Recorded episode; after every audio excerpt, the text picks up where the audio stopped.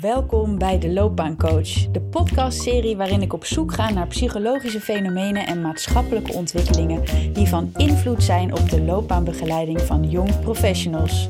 Deze podcast wordt gemaakt vanuit de leergang loopbaancoaching van de Hogeschool van Amsterdam en mijn naam is Japke Ebbingen. Vandaag in deze afstandsstudio een vertrouwde gast, Jouke Post. Jouke is loopbaanonderzoeker en verbonden aan de Hogeschool van Saxion. En eerder begonnen wij aan het uitdiepen van de negen metaforen van Ker Inksen om naar loopbanen te kijken. En in deze podcast dan pakken wij de draad weer op. Jouke, fijn dat je er bent. Dankjewel. Ja, Ker Inksen beschrijft loopbanen als een complexe mozaïek, zei je in de eerdere podcast. En hoe meer brillen je opzet om deze mozaïek te bekijken, hoe meer perspectieven je als het ware kunt waarnemen. En even voor de luisteraar om het op te frissen, die negen metaforen die Inksen aanreikt, uh, zijn de erfenis, de cyclus, actie, matching, de reis, de rol, relaties, de bron en het verhaal. En in eerdere afleveringen hebben we de rol, de actie en matching uitgebreid besproken en uitgediept. Dus die zijn terug te luisteren bij de loopbaancoach. En vandaag zoomen we in op de metafoor van relaties. Jouke, en in de voorbereiding van deze podcast ging jouw voorkeur direct uit naar het bespreken van deze metafoor. En wat spreekt jou hierin aan, in die relaties? Nou, dat gaat eigenlijk om het vrij eenvoudige gegeven dat uh, Inksen ook beschrijft dat loopbanen dus uh, eigenlijk sociale constructies zijn. Dus loopbanen worden voor een heel belangrijk deel bepaald door het feit dat je mensen kent en dat je doordat je die mensen kent je loopbaan op allerlei manieren wordt versterkt, bemiddeld, ja, zeg maar verdiept. En dat is een, een, ja, een heel belangrijk gegeven, wat bovendien nog steeds belangrijker wordt in de moderne tijd waarin wij leven. Is het ook in een tijd van uh, waar we nu in zitten met uh, nou, bijna een jaar corona, dat je dacht van deze spreekt me extra aan? Of heeft dat er niks mee te maken? Nee, dat was niet de directe aanleiding. Wat je wel ziet is dat we hebben natuurlijk allemaal uh, een veel sterkere virtuele connectie. Dus daar ligt wel ja, zeg maar ook de uitdaging om verbonden te blijven. Dus in wezen gaat het om het feit dat als je dat, die metafoor van de relaties dus zeg maar hanteert, dan betekent het eigenlijk dat, dat de loopbaan heel diep doordrenkt is van het feit dat je mensen kent. En dat die mensen jou helpen of steunen of begeleiden of adviseren. En dat je dus op allerlei manieren ja, zeg maar, verbonden bent in dat, in dat netwerk van relaties die je wel of niet hebt. Het is natuurlijk altijd zo dat het nooit één verhaal. Dus er zijn natuurlijk mensen met hele sterke netwerken, ook vanuit hun ouderlijke milieu. Of mensen die vanuit hun studie hele sterke netwerken opbouwen en ook onderhouden. Dus dat hele aspect van netwerken is wel een belangrijk iets. En je ziet wel dat in de moderne tijd netwerken überhaupt veel belangrijker worden. Er wordt ook wel gesproken over de netwerksamenleving. Omdat structuren en instituties toch minder sterk zijn, zoals kerken en vakbonden. Betekent eigenlijk dat het feit dat je ook afhankelijk bent van de mensen die je kent, dat wordt in die moderne loopbaan dus op een bepaalde manier ook belangrijker. Ja, precies. Dus eigenlijk ben je al meteen door in waar gaat de metafoor van de relaties over. Namelijk uh, over die sociale constructies. Een loopbaan ontvouwt zich soms dus ook aan de netwerken. Welke netwerken kunnen we allemaal aan denken? Nou, ik denk dat ja, ik denk dat dus een eerste basis wel echt je, je milieu is. Hè. Heeft ook een metafoor, dit gaat dan over de loopbaan als erfenis. Dus daar zit dat wat dieper nog in. Maar op zich kom je natuurlijk al in een milieu, uh, ja, wordt je, uh, ontvouwt je loopbaan zich. Dus dat betekent dat die schoolkeuze en die schoolloopbaan al voor een belangrijk gedeelte bepaald wordt door ja, uit welk gezin je komt, maar ook welke bredere familiecontext je hebt. En uh, de mate waarin je ouders wel of niet met jou praten over je loopbaan, of nou ja, ooms en tantes, daar, waarin dat dus een onderwerp is, wat ook zeg maar, wordt gesteund. Mm -hmm. dus, dus het is al heel vroeg zo dat die, dat die sociale netwerken uh, belangrijk zijn, maar ook tijdens je studie, de klas waarin je zit, uh, de stage die je, die je loopt, de mensen die je daar ontmoet. Dat zijn eigenlijk allemaal al, al netwerken waar je in terechtkomt en die jou uh, verder kunnen helpen in ook volgende stappen. Uh, en dat gaat natuurlijk eigenlijk steeds verder door. Ook je, hè, er zijn ook bijvoorbeeld opleidingen die hebben een alumni-netwerk. Of er zijn mensen die hebben jaarclubs vanuit de studie. En dan op die manier heb je ook vanuit je schoolloopbaan al uh, vaak uh, netwerken die dus blijven bestaan. Maar ook als je aan het werk bent, je eerste baan. Soms heb je binnen de organisatie bouw je een groot netwerk op. Maar ook als je professional bent kun je ook een eigen professioneel netwerk opbouwen. Via bijvoorbeeld je beroepsvereniging, zoals het NOLOC. Dat zijn eigenlijk allemaal ook structuren waarin je dus met mensen omgaat. En die dus steunend, helpend kunnen zijn voor je loopbaan. Dus dat, dat, is, dat zit eigenlijk heel breed in die hele loopbaan speelt dit fenomeen een rol. En wat levert het dat individu op om met deze bril naar je loopbaan te kijken? Nou, dat betekent dat je afhankelijkheid van die netwerken kunt begrijpen. En dat je dus soms daar ook op in kunt spelen door je netwerken ook aan te wenden. Eigenlijk zie je natuurlijk dat dat, dat, dat is sinds, wat is het, ik schat in een jaar of tien, dat natuurlijk een fenomeen als LinkedIn heel erg belangrijk geworden is. En dat zijn natuurlijk wel manieren waarop eigenlijk vanaf het begin af aan ook al studenten worden aangespoord om hun profiel op te bouwen en zich daarmee ook letterlijk en figuurlijk te profileren in zo'n digitaal netwerk met wat doe ik, wat zijn mijn, wat zijn mijn sterke kanten, waar ben ik mee bezig. Dus dat zijn ook eigenlijk allemaal manieren om jezelf te profileren en op die manier dus ook voordeel te kunnen hebben van hoe je in beeld komt bij die netwerken. Lijkt het dan ook op een beetje, eh, zoals jij het vertelt, is het bijna een soort storytelling ook. Wat voor verhaal vertel ik in dat netwerk? Of... Ja, nou dat is natuurlijk altijd zo dat, dat uh, metaforen raken altijd aan elkaar. Hè. Dus, dus je zou kunnen zeggen, dit is de, de wat meer profilerende kant van het verhaal dat jij over jezelf vertelt in zo'n netwerk. Dus dit is ook, gaat ook over dat mensen soms een bepaalde uh, ja, zeg maar reputatie hebben of een bepaalde status hebben in die netwerken. En dat dus daarmee ook uh, die loopbaan wordt uh, versterkt of gevoed. Ja, dus wat levert het het individu op? Nou, als je op een bepaalde manier profileert in het netwerk, uh, dan weet je dat netwerk uh, voor je te gebruiken. Uh, Marinke Kuipers, die heeft in haar vijf loopbaancompetenties die ze omschrijft, noemt ze netwerken ook als een van de belangrijkste. Ze zegt volgens haar is het het sleutel tot dat loopbaansucces. Hoe ziet Inksen dat? Ja, dat sluit heel erg aan. Hij kent op zich uh, Marinke Kuipers uh, loopbaancompetenties niet, omdat dat eigenlijk een andere, nou ja, zeg maar andere begrippenkader is. Maar hij heeft het over bijvoorbeeld uh, loopbaancompetenties van Michael Arthur. En die, heeft, die onderscheidt ook in de intelligent career. Hij zegt, je hebt dus knowing what knowing why, maar knowing whom is de derde component. Dus dat gaat heel duidelijk dat die loopbaan tot stand komt en gerealiseerd wordt door ook de mensen die je kent. Er worden je natuurlijk ook dingen gegund, er worden je kansen gegeven. Je wordt soms in sollicitatieprocedures ben je al een interne kandidaat, waardoor je ook al een, nou ja, soms een bepaald beeld over jou bestaat. Dus op die manier zijn er heel veel voordelen te halen van de netwerken die je hebt of die je onderhoudt of die je, nou ja, zeg maar zelf ook kunt creëren. En werkt deze metafoor voor iedereen? Of hoe kun je deze metafoor laten werken? Ja, dat is wel een, een, interessant punt. Kijk, het is eigenlijk steeds zo dat een, een, iedere metafoor heeft een soort lichtkant. In de zin van, hè, dat is de waarde en de betekenis en dat is de kracht ervan. Maar er zit ook wel een schaduwkant aan. En dat is door kritische auteurs ook wel benoemd van ja, het is dus eigenlijk heel sterk een, een metafoor die dus, of een invalshoek die dus benadrukt dat je heel erg goed moet zijn in je netwerk. En dat je dus daarmee ook eigenlijk mensen die die vaardigheid goed bezitten, hebben dus heel veel voordelen. En als jij vanaf het begin af aan in je loopbaan eigenlijk al op achterstand zit door het milieu waaruit je komt, of waardoor je bepaalde kenmerken of bepaald gedrag niet, niet makkelijk vertoont. Sommige mensen hebben ook echt wel inhoudelijk heel veel moeite met het netwerk, omdat ze het idee hebben dat ze reclame moeten maken voor zichzelf. Dat zit nou niet zo in hun aard, bijvoorbeeld meer introverte mensen. En dan zie je dat dit natuurlijk ook een beetje tegen je kan werken. Nou, dus dus de, als jij vraagt van, is het voor iedereen even relevant? Ja, in principe wel. Alleen je ziet natuurlijk dat het sommige mensen ook meer bevoordeelt dan anderen. Ja, en je noemt dan eigenlijk ook um, twee elementen, hoor ik daarin. Uh, namelijk aan de ene kant welke kruiwagens heb je, hè? het milieu waar je uitkomt en wie helpen je vooruit duwen in dat netwerk, waar je gewoon in geboren bent en verder niet zo heel veel aan kan doen. En het andere is welke skills heb je. De een gaat het nu eenmaal extraverte mensen, gaat het misschien makkelijker af dan introverte mensen, noem jij. Ja, klopt. Dat is dus eigenlijk de schaduwkant van deze metafoor. Dat het, dat het toch ook wel iets veronderstelt. En dat uh, daarmee je ook uh, ja, sommige mensen gewoon echt veel meer op voordeel komen te staan.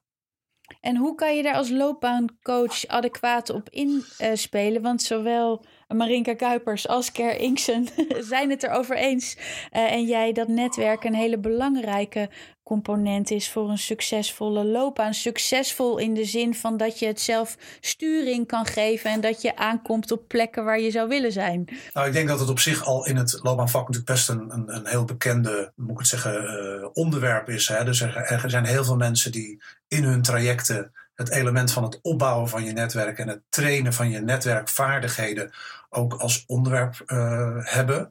En er zijn ook heel veel trainingen die in groepen mensen aanzetten tot zeg maar, dat bouwen van dat eigen profiel. Uh, er zijn natuurlijk ook, ook, ook echt veel handleidingen voor in Nederland op dat punt van hoe, hoe bouw je dan zo'n profiel? Hoe bouw je dat binnen LinkedIn goed op? Maar ook hoe leer je jezelf daarin niet alleen te profileren, maar ook te communiceren van wat je te bieden hebt binnen of een sollicitatiesetting of binnen eigenlijk een wat vrijere setting. Dus dit is als onderwerp is het in de meeste loopbaanbegeleiding wel bekend. En heeft het eigenlijk ook wel een vaste plek veroverd in de laatste nou ja, decennia, zal ik maar zeggen. Dus het zit er eigenlijk altijd wel in. En als daar niet aan gewerkt wordt, dan moet je je even achter je oren krabben. Hoe onderhoud je dat netwerk goed?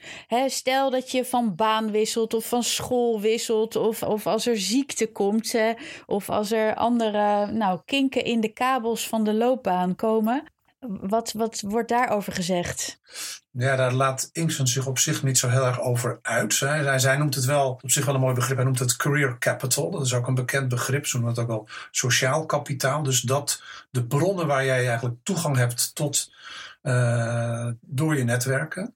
En dat sociaal kapitaal is wel heel kwetsbaar. Dat heb je wel uh, mooi beschreven ook. Het is ook wel een bekend fenomeen. Dat geldt ook voor bijvoorbeeld politici die in de, als ze in de Tweede Kamer zitten heel erg sterk netwerk hebben. Maar zodra ze daaruit zijn, droogt dat netwerk eigenlijk in één keer op. Omdat het niet zozeer gekoppeld is aan de persoon zelf, maar aan de positie die je hebt. En eigenlijk ook de macht en de invloed die mensen uh, van jou hopen te kunnen krijgen. Dus in die zin zijn de, zijn de netwerken soms ook heel erg gekoppeld aan je beroep of aan je positie die je op dat moment hebt. En kunnen ze dus ook heel snel opdrogen. Er zijn ook wel veel verhalen bekend dat, uh, ja, dat mensen daar ook wel van schrikken. Dat dat dus heel, ja, heel, heel, heel grillig is in zekere zin.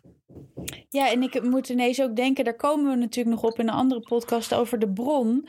Dat je dan ineens, als je dus midden in zo'n netwerk zit, als uh, nou, jouw voorbeeld van in de politiek zitten of in een bepaalde functie zitten en dan die functie ineens niet meer hebben en daarmee dat ook het netwerk vervalt. En dat je dan misschien ineens ook als bron waardeloos bent geworden. Ja.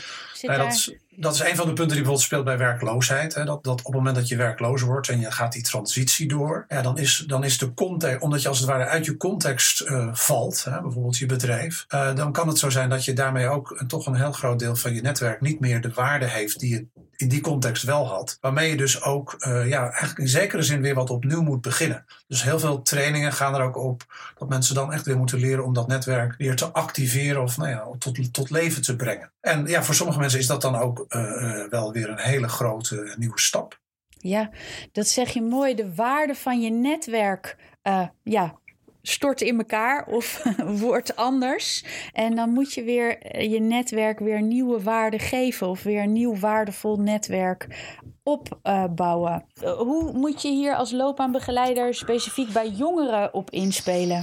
Nou, ik denk dat het wel heel mooi is dat, dat er veel aandacht is ook binnen LOB, binnen loopbaanbegeleiding in het onderwijs. Dat, uh, dat leerlingen en studenten ook zoveel mogelijk in de context daadwerkelijk actief zijn. Dus dat je zoveel mogelijk ook probeert mensen al, ja, zeg maar jongeren al te stimuleren om echt ervaringen op te doen in de bedrijven of in de, in de arbeidsomgevingen. Bijvoorbeeld ook door middel van stages of, of korte, korte oriëntatieperiodes. Waardoor dat hele beeld van ja, zeg maar, zich ook tonen uh, veel, uh, veel sterker ook wordt begrepen door hun als een wezenlijke uh, kwaliteit die ze moeten, in, moeten leren inzetten in dit, in dit hele traject van zichzelf uh, een plek vinden op die arbeidsmarkt. Ja, en dat je dus ook goed besef ontwikkelt dat je uh, een individu bent in een context. Ja. En niet zomaar een individu met ja, ja, dat je alleen maar afhankelijk bent van je eigen kwaliteiten en vaardigheden en mogelijkheden, maar dat je de context blijft zien. Ja,